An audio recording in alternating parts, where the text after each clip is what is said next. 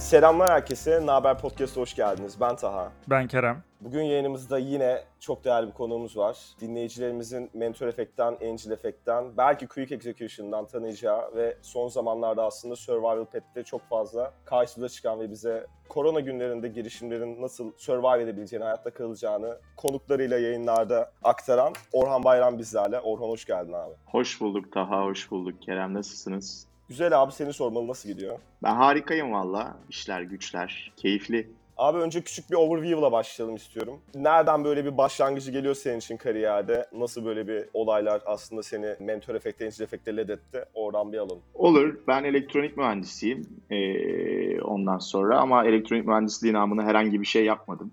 Ee, geriye dönüp baktığımda da yapsaydım herhalde çok pişmanlık duyacağım bir şey olurdu. E, deneyimler olurdu diye düşünüyorum. Okurken Türkcell'de Geleceği Yazanlar diye bir projede ben çalışmaya başlamıştım. Part time. Hatta Türkcell'e girişim benim developer olarak girmiştim. Part time developer. Test case yazıyorduk böyle. E, 6 ay sonunda beni product management'a geçirdiler. E, işte o dönem Geleceği Yazanlar diye bir projeye dahil olmuştum. E, yaklaşık 2 yıla yakın Geleceği Yazanların hani başlangıç noktasından herhalde bir 60 bin üye noktasına kadar e, iyi bir ekiple birlikte hareket ettik orada. Yani üniversiteden daha önemli bir okuldur benim için Türksel. E, sonrasında IoT tarafında bir şeyler yaptık. Orada işte Türksel adına ben girişimlerle gidip sohbet ediyordum. Girişimleri araştırıyordum. Biz kimle ne yapabiliriz ona bakıyordum. E, sonrasında Türksel'den ayrıldım. E, Starter Sub'a geçtim. E, Starter Sub'da erken aşama bir yatırım fonu. O dönemler hızlandırma programları da yapıyorlardı e, oranın da iş geliştirme ve işbirliklerinden sorumlu yöneticisi olarak geçtim orada oraya. E, işte hem Starter Sub'ın hem portföy şirketlerinin o dönem herhalde 23-24 tane yatırım vardı. E, yaklaşık bir yıl Starter Sub'da e, hem kurumlarla ilişkiler hem programlara işbirlikleri bulunması, e, portföy şirketleriyle ilişkiler vesaire Joker olarak aslında orada da onu yap bunu yap bir şekilde vakit geçti. Ama güzel işler çıkarttık o dönem için. Çünkü Hub'ın üçüncü senesiydi galiba ya da ikinci senesiydi. E, Starter Sub da Türkiye'de benim en beğendiğim kurumlardan bir tanesi. E, o dönem en azından Startup Bootcamp ile başlayan bir maceranın e, iki tane, dört tane pardon e, ana kurum tarafından e, bir fona dönüştürülmesi, hem Türkiye'de hem de yurt dışında yatırımlar yapan bir yapıya dönüşmesi, o şirketleri de oldukça destekleyen bir yapıya dönüşme sürecini ben bizzat yaşadım orada. Ee, onun da en büyük nedeni kurucuların da çok fazla işin içinde olmasıydı. O süreçte de çok fazla şey öğrendim. Ee, ama işte bir yıl sonunda da oradan aslında benim hep şey vardı hayalimde yani bir şeyler denemek. Ee, ama ne deneyeceğimi de bilmiyordum. Ee, hep böyle çünkü çok farklı işler görüyorsun, önüne bir ton şey geliyor, değerlendiriyorsun. Ulan ben olsam bunu yapardım diyorsun. Bunu da yapamamışlar ama şöyle olsa süper çıkar diyorsun falan. Ee, öyle boşluklar görüyorsun. E, o dönem biz Quick Execution diye bir şey kuralım diye çıktık yola. İşte ben Starter Sub'la konuştum. E, sağ olsunlar bizim bir yönetim masası vardır orada girişte sağda. E, ben e, en dipte orta masaya geçtim ondan sonra girişimci olarak. Yani yönetim ekibinden bir anda girişimci masasına geçtim. Orada başladık işte biz Quick Execution'ı e, build up etmeye. O da yazılımcılarla proje sahiplerini birleştiren bir platformdu moderated marketplace diyebiliriz ona da. Yani manuel olarak ilerleyen süreçler ama bir platform üstünde ilerliyor. E, o iyi gitti, gitti bayağı bir dönem. E, ondan sonra o dönem içinde de işte bir şeyi yani ben o güne kadar hep böyle girişimcilik ekosistemi adına bir şeyler yapmaya çabalayan da bir adam. Çünkü o yıllarda özellikle ekosistem yeni yeni hızlanıyor işte 2008-2009'da Türkiye girişimcilik ekosistemi ekosistem adını almaya başladı. Yani ondan önce çok büyük girişimciler var ama hani girişimci olarak adlandırılmıyorlardı ya da bir ekosistem olarak adlandırılmıyorlardı. Dolayısıyla hani tam 8-9 yıl sonra e, iyi bir noktaya gelmişti ama bizim gördüğümüz iyi, iyi daha da iyi noktaya gitmesinin önündeki engeller vardı. Daha da gelişmesinin önünde. E, biz dedik yani bunlarla alakalı birilerinin çalışması gerekiyor ben işin felsefesine de bakan bir adamım. Yani sadece hani işte bunu yaptık, bunu kazandık, bunu yaptık, bunu elde ettik falan dediğin noktada çok kısa vadeli işler yaparsın. Uzun vadeli ya da sürdürülebilir bir şeye dönüştürmen çok zor olur. Ee, o dönemde sağ olsun Ersin Pamuksüzer var, Starter Sub'ın kurucusu. Ee, Ömer abi var, Ömer Erkmen. E, ondan sonra Ercüment İnanç var. Şimdi Protel'in e, genel müdürü. O dönem e, Borusan Makina'nın eski CEO'suydu. Daha yeni ayrılıyordu. Yönetim kurulu üyesiydi. E, Murat Selek var. Carson'ın eski genel müdürü. Okan Utkueri var. Cem Önce var. Böyle hani bayağı kalabalık bir ekip. Ya daha adını sayamadığım birçok kişi var. İşte Barış Özistek var. Ebru Dorman var. Onur Topaç var ilk günden bu yana. E, Koray Bahar var. Ali Servet Eyüboğlu var diye diye böyle daha gider. E, biz o dönem dedik ya Türkiye'de asıl e, en ihtiyaç duyulan şey mentorluk. O dönemlerde de mentorluk böyle tam structure edilmiş bir şekilde verilmiyor. Yani ne demek? İşte girişimci ile mentor arasında e, sürekli bir ilişki yok, sürekli bir iletişim yok. E, gelişimi görebilen bir yöntem yok, bir model yok. E, kavramlar birbirine karışıyor. Mentor, danışman, koç e, ve benzeri. Ve girişimci mentordan istemeyeceği şeyleri istiyor. Beklentilerini ve şeylerini e, ayarlayamadığı için de sonrasında bunalıma giriyor. Yani ne istiyor mesela bana, abi? Ya ne bileyim mesela işte mentorluk dediğine girişimci şey diye bakıyordu. Abi beni şununla tanıştır. Yani adam da diyor ki tamam tanıştırayım. Ama bir, niçin tanıştıracağım? İki, sen bu görüşmeden nasıl bir çıktı bekliyorsun? Üç, sen bu adama ne offer edeceksin? Şimdi benim seni tanıştırmam için önce bunları bana söyle ki daha rahat ilerle. Öbür türlü ben seni tanıştırırım, çay kahve içersin. Beni kırmamak için senle bir araya gelir. Yarım saat, bir saat sohbet eder. Senin vaktin gider. O adam hayatına bir şekilde devam eder. Ee, bahsettiğin dönemde şöyle de bir şey yok mu zaten? Ee, girişimcinin pitch deck atmak için e, gizlilik sözleşmesi imzalattığı zamanlardan bahsediyorsun galiba. Ve o şey bile var. yani böyle hala var o opt-in introlar falan filan da yok. Böyle çok daha hani o girişim e, jargonu oturmuş bir zamandan bahsetmiyoruz aslında. Yok yani çok uzun bir vakit de değil bu arada. Yani dediğim gibi 3 yıl önceden bahsediyoruz. Öyle çok uzun bir uzak bir dönem değil. Ama hani dediğim gibi yani burada genel bizim gözlemlerimiz problemler üstüne yoğunlaşalım ki bunları nasıl çözebileceğimize bakalım ondan sonra. İkinci tarafta bir şey gördük. Ee, geleneksel sermaye ya da kurumsal dünyadaki liderler bu ekosisteme geliyorlar ama e, poster boy olarak geliyorlar. Yani geliyorlar, konuşuyorlar, sonra gidiyorlar. Geliyorlar, giriyorlar, gidiyorlar ama uzun süre kalabilen çok az kişi var. E, biz dedik yani aslında geleneksel sermayede bulunan sermaye, kapital buraya gelmeli ki ekosisteme daha fazla para enjekte edilsin. Daha büyük yani daha fazla yanılalım, daha hızlı yanılalım, daha iyi işler yapalım, daha büyük şirketler çıkaralım. E, iki o vardı. Üç, e, ve bu sürecinde takip edilmesi aslında. Yani girişimciyle mentoru buluşturdun. Buluşturduktan sonra aradaki gelişimi, ihtiyaçları, değişen ihtiyaçlara göre farklı resource'lar oraya enjekte etmeyi e, ne diyeyim ortamını hazırlayan, o ortamı yöneten bir tane platforma ihtiyaç vardı. Ve biz de mentor efekt olarak çıktık yola. E, işte bir Eylül ayında Amerika'dan iki tane şey getirdik. Bir tanesi Berkeley'deki girişimciliğin başındaki Cici ablayı getirdik. E, bir tane de o dönem yine e, San Francisco'da Silikon Vadisi'nde e, girişim hızlandırma programları yapan ama aynı zamanda yatırımcı mentor eğitimi de yapan bir Jeff diye bir abiyi getirmiştik. Onun yanında da biz iki günlük böyle 9-18 bir program yaptık.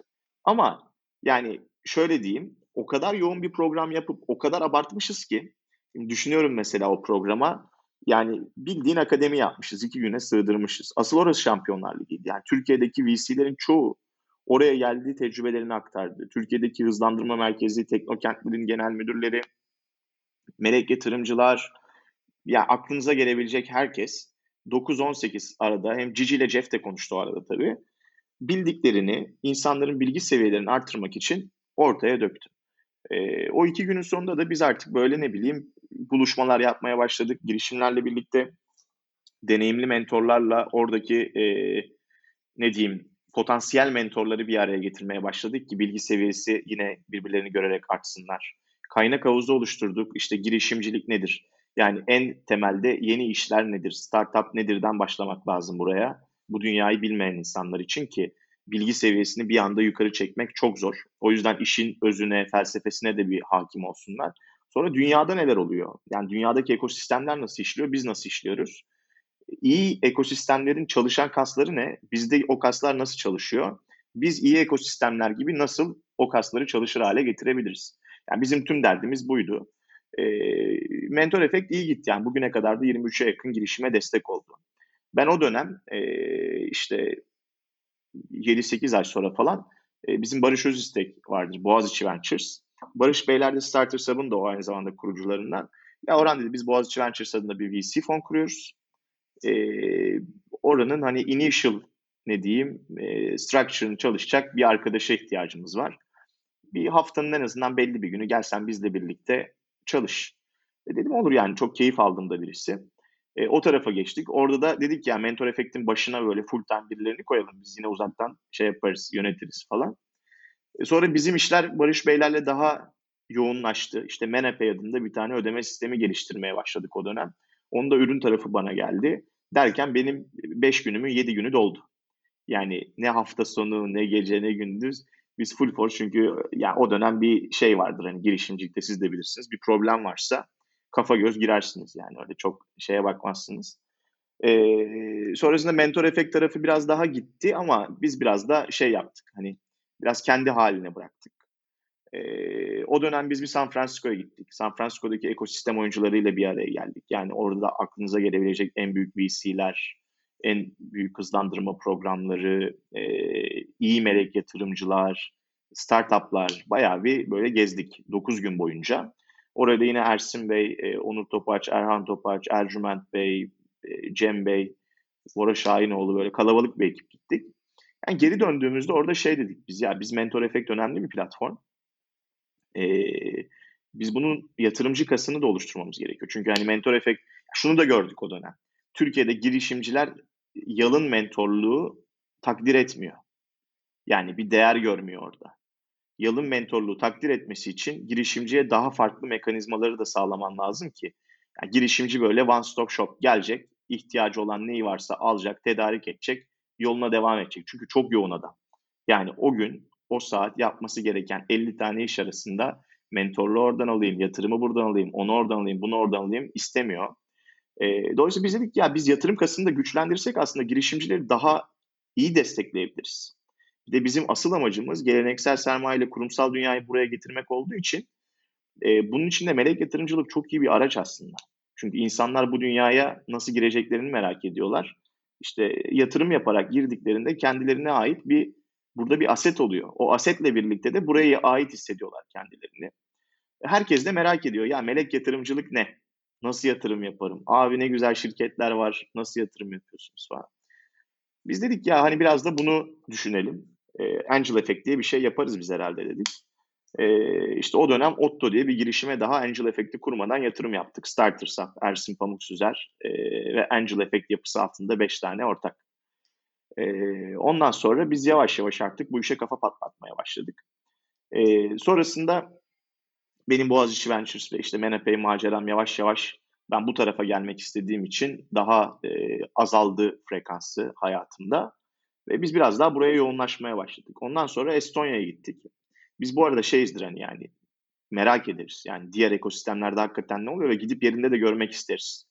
E, ve hani yıl içinde de mutlaka birkaç tane seyahat yaparız farklı dünyalara. Gezip görmek için en azından orayla iletişim kurmak için. E, Estonya'ya gittiğimizde de şunu gördük. 1.4 milyon nüfuslu bir ülke. E, 3 tane unicorn çıkartmış. Yurt dışındaki yatırımcılardan 960 milyon dolar para toplamış. E, yani ve bunu 8 yıl içinde başarmış. E, vatandaşlığı dijitale çekmiş. Ne bileyim hani orada olmayan 10 bin tane startup'a ev sahipliği yapan bir ülke haline gelmiş.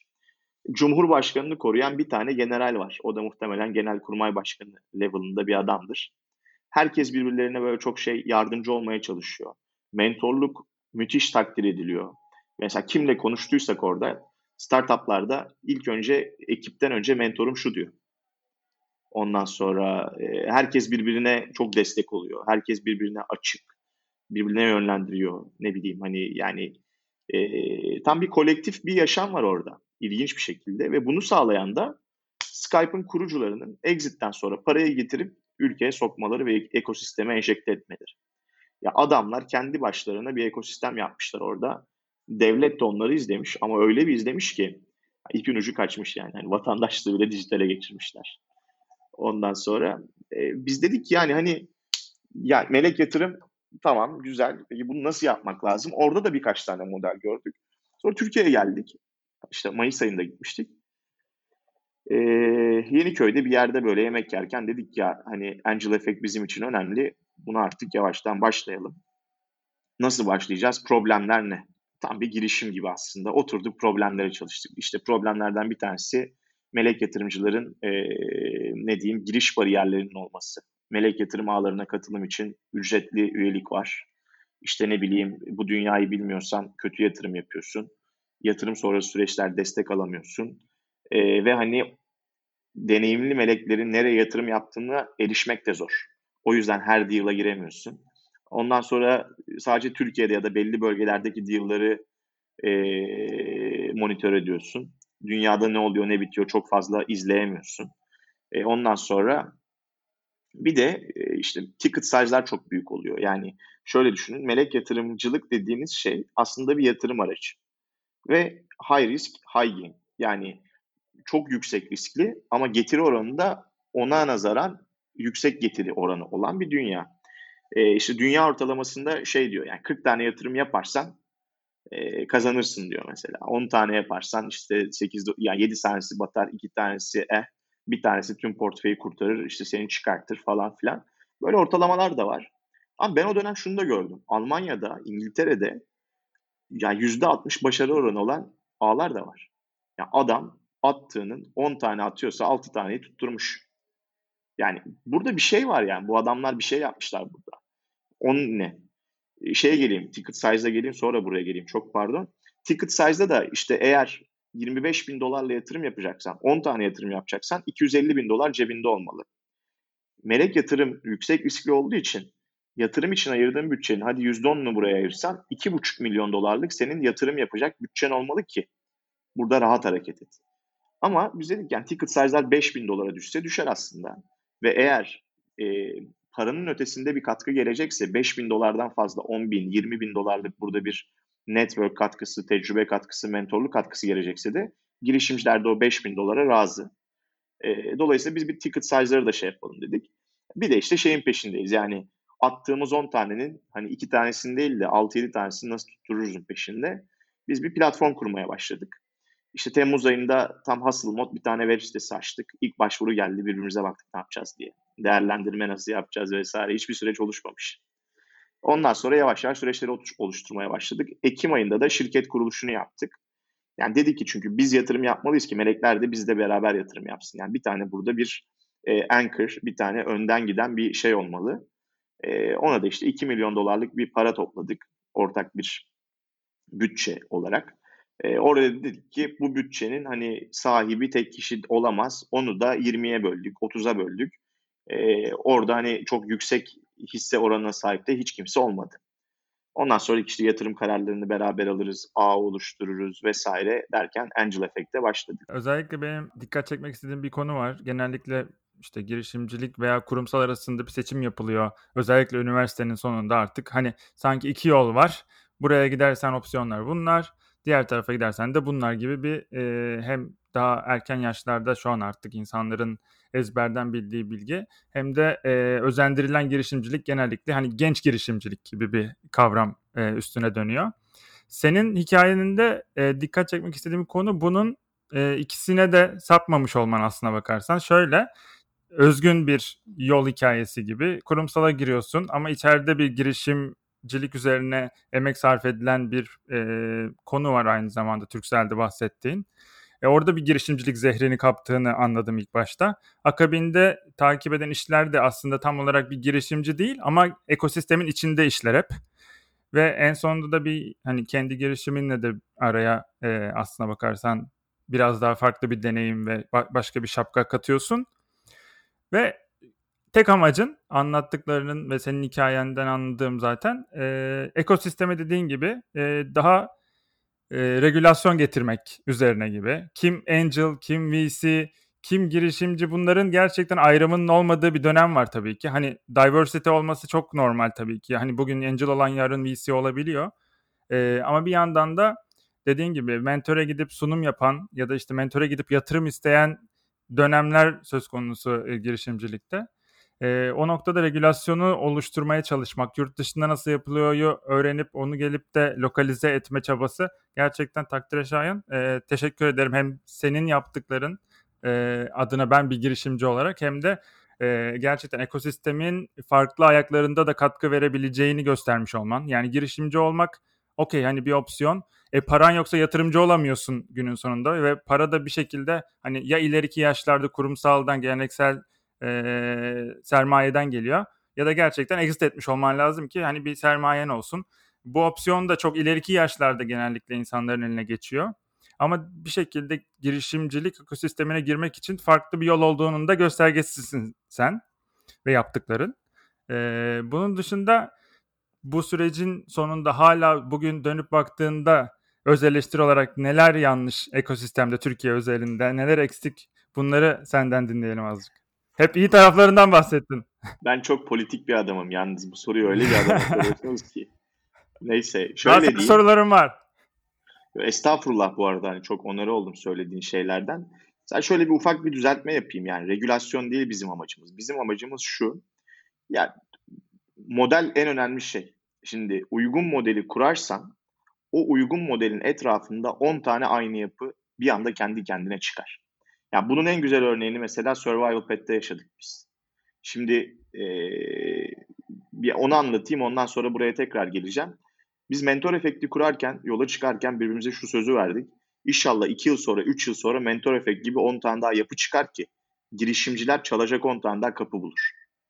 Angel efekti kurarken de benzer dedik. Yani daha farklı, daha iyisi, daha olgunu, daha olmuşu çıksın ortaya ki ya hem biz kendimizi ona göre geliştirelim hem ekosistem kalkınsın. Yani biz regülasyon kurmak değil bizim amacımız. Bizim amacımız aslında uygun modeller ne onları test etmek. Yani uygun model buysa biz de ona yoğunlaşalım ama başkaları da onlara yoğunlaşsın. Yani çünkü çalışmayan modellere yoğunlaştığınızda model çalışmıyor ki. Sen ne kadar yoğunlaşırsan yoğunlaş. Orada harcadığın efor, zaman, kaynak heba oluyor. Şimdi baktığın zaman böyle olaya biraz daha kafan farklı çalışmaya, farklı bakış açılarına girmeye başlıyorsun. Mesela niye? Ben çok severim mesela Kendime Düşünceler diye bir kitap. Marcus Aurelius diye bir abi bundan 2000 yıl önce yazmış. Ne anlatıyorsa aynısı hayatımızda şu an. Okumadıysanız mutlaka okuyun. Adam diyor ki hırsızlar arasında yetişmiş bir kişi büyüdüğünde hırsız olursa onu suçlamanın bir manası yok. Çünkü o çocuğun doğrusu zaten çalmak. Böyle baktığın zaman olaya eğer zemin, temel yanlışlar üzerine oturtulduysa e, şikayet etmenin bir manası yok. Önemli olan şey orada yanlışları tespit edip onları nasıl doğru hale getirebilirsin, nasıl uygun hale getirebilirsin ona çalışmak. O yüzden biz regülasyonun ötesinde uygun modelleri bulmaya çalışan bir ekibiz diye. Ve bizim tüm amacımız yani ben çok şanslı bir adamım. Çünkü dediğin gibi Türksel gibi bir kurumun içerisinde girişimcilerle, girişimle ilintili bir projenin içinde yer aldım. Bu 3500 kişi arasındaki 3 kişiden biri. Yani öyle bir şans vardı orada. Öte yandan IoT tarafına geçirilirken de bana çantacı olacaksın dediler. Şimdi onu diyen abi N11'in CTO'su.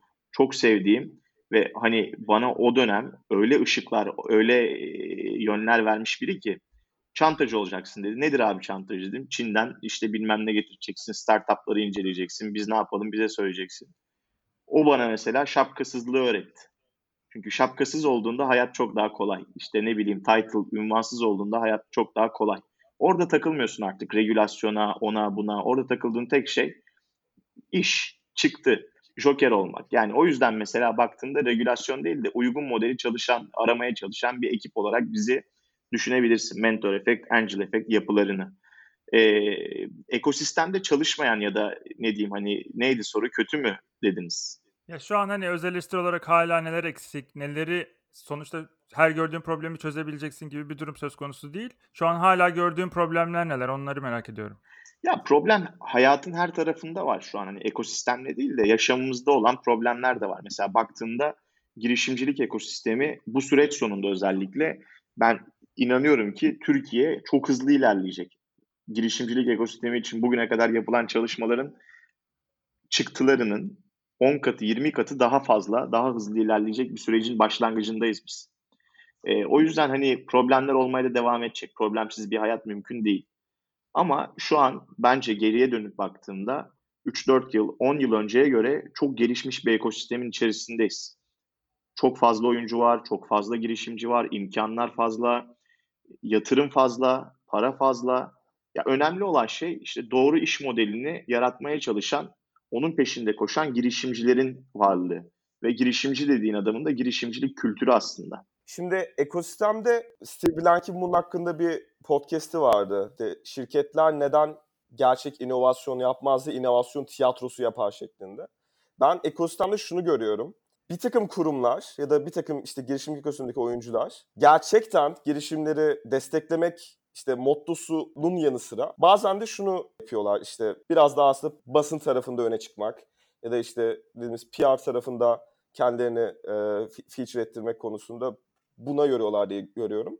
Ama ben bunun aslında girişimciye çok değerli olmadığını düşünüyorum. Çünkü baktığımız zaman yani PR'da tutacak çoğu şey girişimin ihtiyacı olmayabiliyor. Ben bunu Orhan'dan duymak istedim ama sen söyledin. Oraya yolu yapmaya çalışıyorum. Orhan'ın aslında fikirleri benim için önemli. Sadece oradaki bariyerleri bir kaldırayım diye bir konuşuyorum şu an. Yani sence abi bu şeyi nasıl kırabiliriz? Buradaki o sıkıntıyı nasıl kırabiliriz? Çünkü girişimcinin ihtiyacı olan şeyle medyada tutan şey, medyada insanların işte bakıp abi ne güzel etkilemiş binlerce kişi gelmiş işte böyle şaşalı sahneler, konserler. Yani girişimcinin konsere ihtiyacı olduğunu ben çok düşünmüyorum. Zaten bir cumartesi günü abi Bomontia'da da bir konsere gidersin okey onda sıkıntı yok. Ama onun haricinde girişimci neye ihtiyaç duyuyor? Şu an bunları nasıl karşılayabiliriz ve nasıl çözebiliriz? Bu anki durumdan çevirebiliriz. Onu senden dinlemek isterim. Ya şimdi inovasyon tiyatrosu dediğiniz şey vakti zamanında e, kurumların o bahsettiğim bir gir çık dönemleri vardı. Yani girdiler, umduklarını bulamayıp çıktılar. Bu da neden kaynaklanıyor aslında? Mindset'ten kaynaklanıyor. Çünkü çok kısa vadeli bir beklenti içinde geldiler ama girişimcilik dünyasında kısa vadeli beklenti içine girerseniz bunalıma sokar sizi. Çünkü burada yaptığınız hiçbir şey kısa vadeli değil. Her şey uzun vadeli. Yani düşündüğünüz zaman aslında bir girişim dediğiniz şey şirket. Doğuyor, büyüyor, ölüyor ya da satılıyor. Yani ya da sonsuzluğa yaşıyor bir şekilde. Ama en azından sizden çıkıyor ya da ölüyor. Şimdi böyle baktığınız zaman gir çıkların olduğu dönemler bu dediğiniz söylemler çok kullanıldı. Ama ben onun da bence şeyi vardı yani kötü deneyimler bile ekosisteme bir şekilde katkı sağladı. Çünkü kurumların dikkatini buraya çekmeye olanak sağladı. Mesela baktığında eğer kurum girişimcilik ekosistemi diyorsan çok sessiz ama bu işi çok iyi götüren Koç Holding var. Benim çok takdir ettiğim. Ee, sevgili Soner Canko var BKM'den. Dün ayrıldı galiba o da önceki gün. Şimdi baktığın zaman bu insanlar bu işi gerçekten iyi yaptılar. Ha, öte yandan çok kötü yapanlar da oldu. Ama ne oldu? Sonuçta kötü yapan e, kendi zararına kötü yaptı. Ama eminim o da kendi bir şeyi, bir deneyimle beraber cebine bir şey katıp çıktı burada. Mesela bizim Geleceği Yazanlar projesi bildiğim kadarıyla Türkcell'de üçüncü deneme. Ya zaman doğru değildi ya ekip doğru değildi. Yani biz yaparken herhalde her şey doğruydu. Yani bizim dışımızda her şey doğruydu. O yüzden öyle bakmak gerekiyor olaya. Girişimcinin ihtiyaçlarına gelirsek de şimdi girişimcinin her konuda ihtiyacı var. Ama en önemli ihtiyacı eğer iyi bir iş yapan bir adamsa para bulması şu an için çok kolay. Hele böyle bir dönemde. İyi bir işi varsa, iyi bir ekipse, e, ne bileyim globale çıkabilecekse, büyümeyi yakaladıysa para bulmaması için bir sebep yok. E, mentorluk ihtiyacı, işte ne bileyim daha hani böyle büyümede zorlananların farklı fazlarda zorlandıklarını görüyoruz mesela atıyorum. Ya satışta zorlanıyor, ya growth'ta, dijital pazarlamada zorlanıyor, ya ekip kurmada, ya teknik konularda, ya altyapıda, ya HR'da farklı farklı şeyler var. Yani girişimcinin çünkü abi adamın günde 50 tane şapka takıyor. Kapıcı oluyor, CEO oluyor, operasyoncu oluyor, pazarlamacı oluyor, ne bileyim PR'cı oluyor falan filan. O yüzden her konuda ihtiyacı var. Önemli olan şey bu ihtiyaçlarını iyi point edip girişimcinin bu ihtiyaçları nasıl karşılayabileceğini kendi bulması. Ama şu an hani ekosistemde yatırım, hızlandırma, network, e, mentorluk vesaire gibi ihtiyaçlarını bulabileceği çok fazla parti var dediğim gibi. Biz de bunlardan mesela melek yatırımcılık kasını en azından kolektif yatırım platformuyla en azından sağlıyoruz girişimciye. Mesela bizim en hızlı yaptığımız yatırım 5 günde parayı gönderdiğimiz yatırımdı. Ee, hazır yeri gelmiş olduğu için e, sorayım. Özellikle ben hani Türkiye ve globali o noktada karşılaştırdığımda yatırım süreçlerinin çok uzun olması ve o süreçlerde aslına bakarsanız girişimcinin odağının Ölmesi. yatırımcıya kayması. Yani gerçekten şimdi ben bunu bireysel olarak yaşadığım için hem kendimden biliyorum hem çevremden gözlemlediğim için söylüyorum.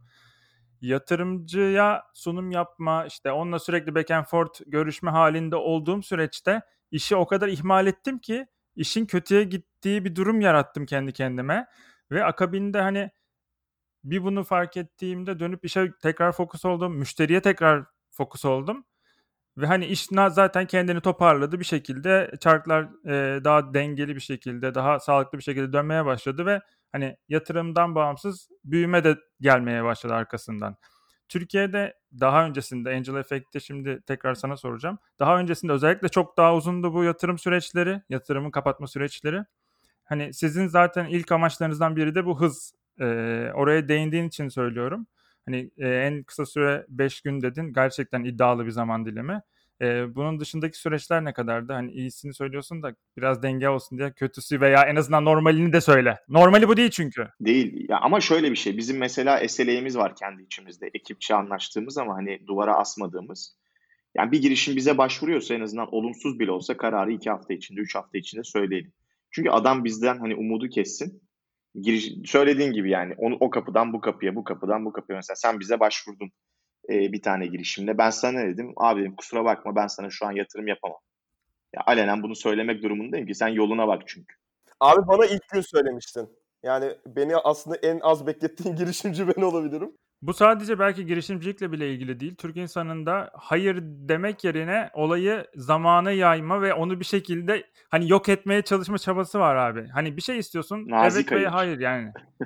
yok böyle bir şey yani. Bu Amerika'da Evet. özellikle çok daha nettir yani. Türkiye'de hayır dememek için süreci bir şekilde hani sadece uzatma çabası. Biz orada mesela yola çıkarken bizim savlarımızdan bir tanesi bu yatırım sürecinin hızlı olabilmesiydi ama o da çok fazla değişkene bağlı. Mesela girişimcinin, şirketin, fundraising turuna katılan diğer yatırımcıların, sözleşme süreçlerinin hepsinin hazır olması gerekiyor. Şimdi mesela biz 5 günlük tamamladığımız yatırım turunda hatta ona 2 gün diyebilirim. Yatırım kararı almamız 2 gün sürdü. Para banka hesabına 3 günde geçiyor zaten. Ya mesela yani orada mesela baktığın zaman bizim olayda ne vardı? Ee, adam turu kapatıyordu ve eksik olan parayı biz tamamladık. Ya o çok önemli bir şey. Ve biz orada ne yaptık? Biz bir koyduk, etrafımızda dört buçuk topladık. O daha da önemli bir şey. Yani girişimciye biz atıyorum 100 koyduysak 4,5 450 bin de dışarıdan geldi gibi bir dünya oldu. E, çünkü bizim melek yani angel efektin özellikle e, amaçlarından bir tanesi de bu. Kaldıraç etkisi yaratmak. Hız konusunda şöyle diyeyim. içeride mekanizmayı kurarsanız hızlı davranabilirsiniz. Biz yola çıkarken her şeyi süreçlere oturtmaya çalıştık. Bir guideline oturtmaya çalıştık. Bir girişim girdiğinde girişimin deneyimini önce biz yedik o yemeği sonra müşteriye sunduk. Mesela girişimci başvuru formunu dolduruyordu bize. İlk başvuru formu o kadar uzundu ki. Abi o do- form zaten başlı başına bir şey yani ve orada acayip churn vardı. Yani adam geliyor doldurmadan çıkıyor. Ya biz atıyorum o kadar çok girişimciyle görüşmüşüz. Hepsi başvuracağım demiş ki. Başvuruya bakıyoruz yok. Ondan sonra formu ikiye bir böldük. Bir anda patır patır başvurular artmaya başladı. Ondan sonra dedik ya bunun değerlendirmesini de otomatik yapabilir miyiz acaba? Mesela ilk bize uyumluluğunu ölçtüğümüz ilk form var. O ilk form sonrası eğer girişim bize hiç uyumlu değilse iki saat içinde ona teşekkür ederiz maili gidiyor. Ve hani orada şey yani sistem otomatik gönderiyor ama hani insan varmış gibi hissiyat yaratması için iki saat Q koyduk oraya. Bilerek koyduk. Yani istesek anında da söyleriz. Sonra diyoruz ki abi sen bize uyumlusun, uyumlu olanlara da. 47 dakika sonra onlara da deep dive formu gidiyor. Orada diyoruz ki bak süpersin. Hadi şimdi bunu doldur. Seni daha yakından tanıyalım. Daha yakından tanıdığı form bize düştüğünde biz bakıyoruz ona. Ya hakikaten anlamlı mı? Atıyorum growth'u var mı? Fundraising turunun yüzde kaçını tamamlamış? Ekibin tecrübesine vesaire. Sonra pitch day alıyoruz onu. Bizim her cuma saat 2 ile 3 arasında bir tek bizim network'ün katıldığı ilk baştan bu yana her gün her zaman online yaptığımız bir pitch day organizasyonu var. Ve hep dünyanın çeşitli ülkelerinden girişimleri misafir ediyoruz orada. Pitch Day'de iyi olanları da deep dive alıyoruz. Detaylı incelemeye. Orada işte soruyoruz işte siz nerede tanıştınız? İlk yemeğinizi nerede yediniz? İlk ne bileyim şeyiniz, buluşmanız nasıldı vesaire vesaire. Müşteriler nasıl giriyor gidiyor. Her şeyi orada soruyoruz. Olumlu olanlara investment report yazıp oylamayı açıyoruz. Bizde yatırım kararı Angel Effect'in ortaklarının e, oylarıyla veriliyor. Hepsi katılıyor buna. %50 olumluysa Yani %50 katıldıysa oylama geçerli. Onun %50'si olumluysa yatırım yapılır. Ondan sonra. O yüzden biz hızlı hareket ediyoruz. Bizde bir yatırım komitesi yok. Oylama online gerçekleşiyor. Hiç kimseyi bir araya toplama zorunluluğumuz yok. Dolayısıyla biz daha hızlı olabiliriz orada. Yani daha da hızlı oluruz. Ama sadece mesela bizim bir önceki stratejimiz spray and pray'di. Şimdi biraz daha işte cash generate eden işlere girmeye başladık. Yani o hızımız biraz daha yavaşlayacak bu dönem için. Ama bu dönem geçtiğinde tekrar hızlanırız. Bize başvuran girişimlerin %13'ü Türk, %87'si yurt dışından, 76 farklı ülkeden. Kaç girişim başvuru bugüne kadar? 849. Çok iyi sayı ve hani zamanla yayarsak hani Ekim'den bu yana değil mi? E, Ekim'den bu yana aynen. Peki ne yapıyorsunuz abi ek olarak? Yani böyle bir kısaca dinleyeyim. Paid mi yapıyorsunuz yoksa böyle bir nasıl dağılıyor? Marketing sıfır bizde. Yani bizim ekip girişimcileri buluyor. Ondan sonra girişim yani girişimleri buluyor. Girişimcileri buluyor. Abi biz Angel Effect'iz. Böyle böyle yatırımlar yapıyoruz. İlgileniyorsan bak link buradan deyip sadece onu yapıyoruz. Yani bak yaptığımız şey o outbound. Ee, ve orası da iyi gidiyor. Okey. Benim sorum şu. e, burada hani belli bir şirkete işaret etmeyebilirsin cevap olarak ama pazar gösterebilirsin en azından kafanda. E, şu an Angel Effect'in bütün portföyü benim bildiğim kadarıyla aktif ve hani Aktif. çalışıyor değil mi? Evet. Tabii tabii. Ee, sorum şu hani bu Covid-19 dönemi öncesinde yatırım yaptığınız ama bundan sonra o pazarların çok da büyüyeceğini öngörmediğin alanlar neler? Hani şu an olsa yapmazdım bu yatırımı demek kadar sert olmasa da. Yok yok yani biz hepsinden memnunuz yani. Bizim dört tane yatırım var işte. Bir tanesi Vamper, Amerikalı bir şirket. O şu an büyüyor. Ee, çünkü bu dönem aslında onların dönemi. Ee, ikincisi Ekmob var. Ekmob da keza aynı şekilde sağ satış ekiplerinin yönetimi olduğu için bu dönem aslında onlara şey müthiş bir challenge getirdi.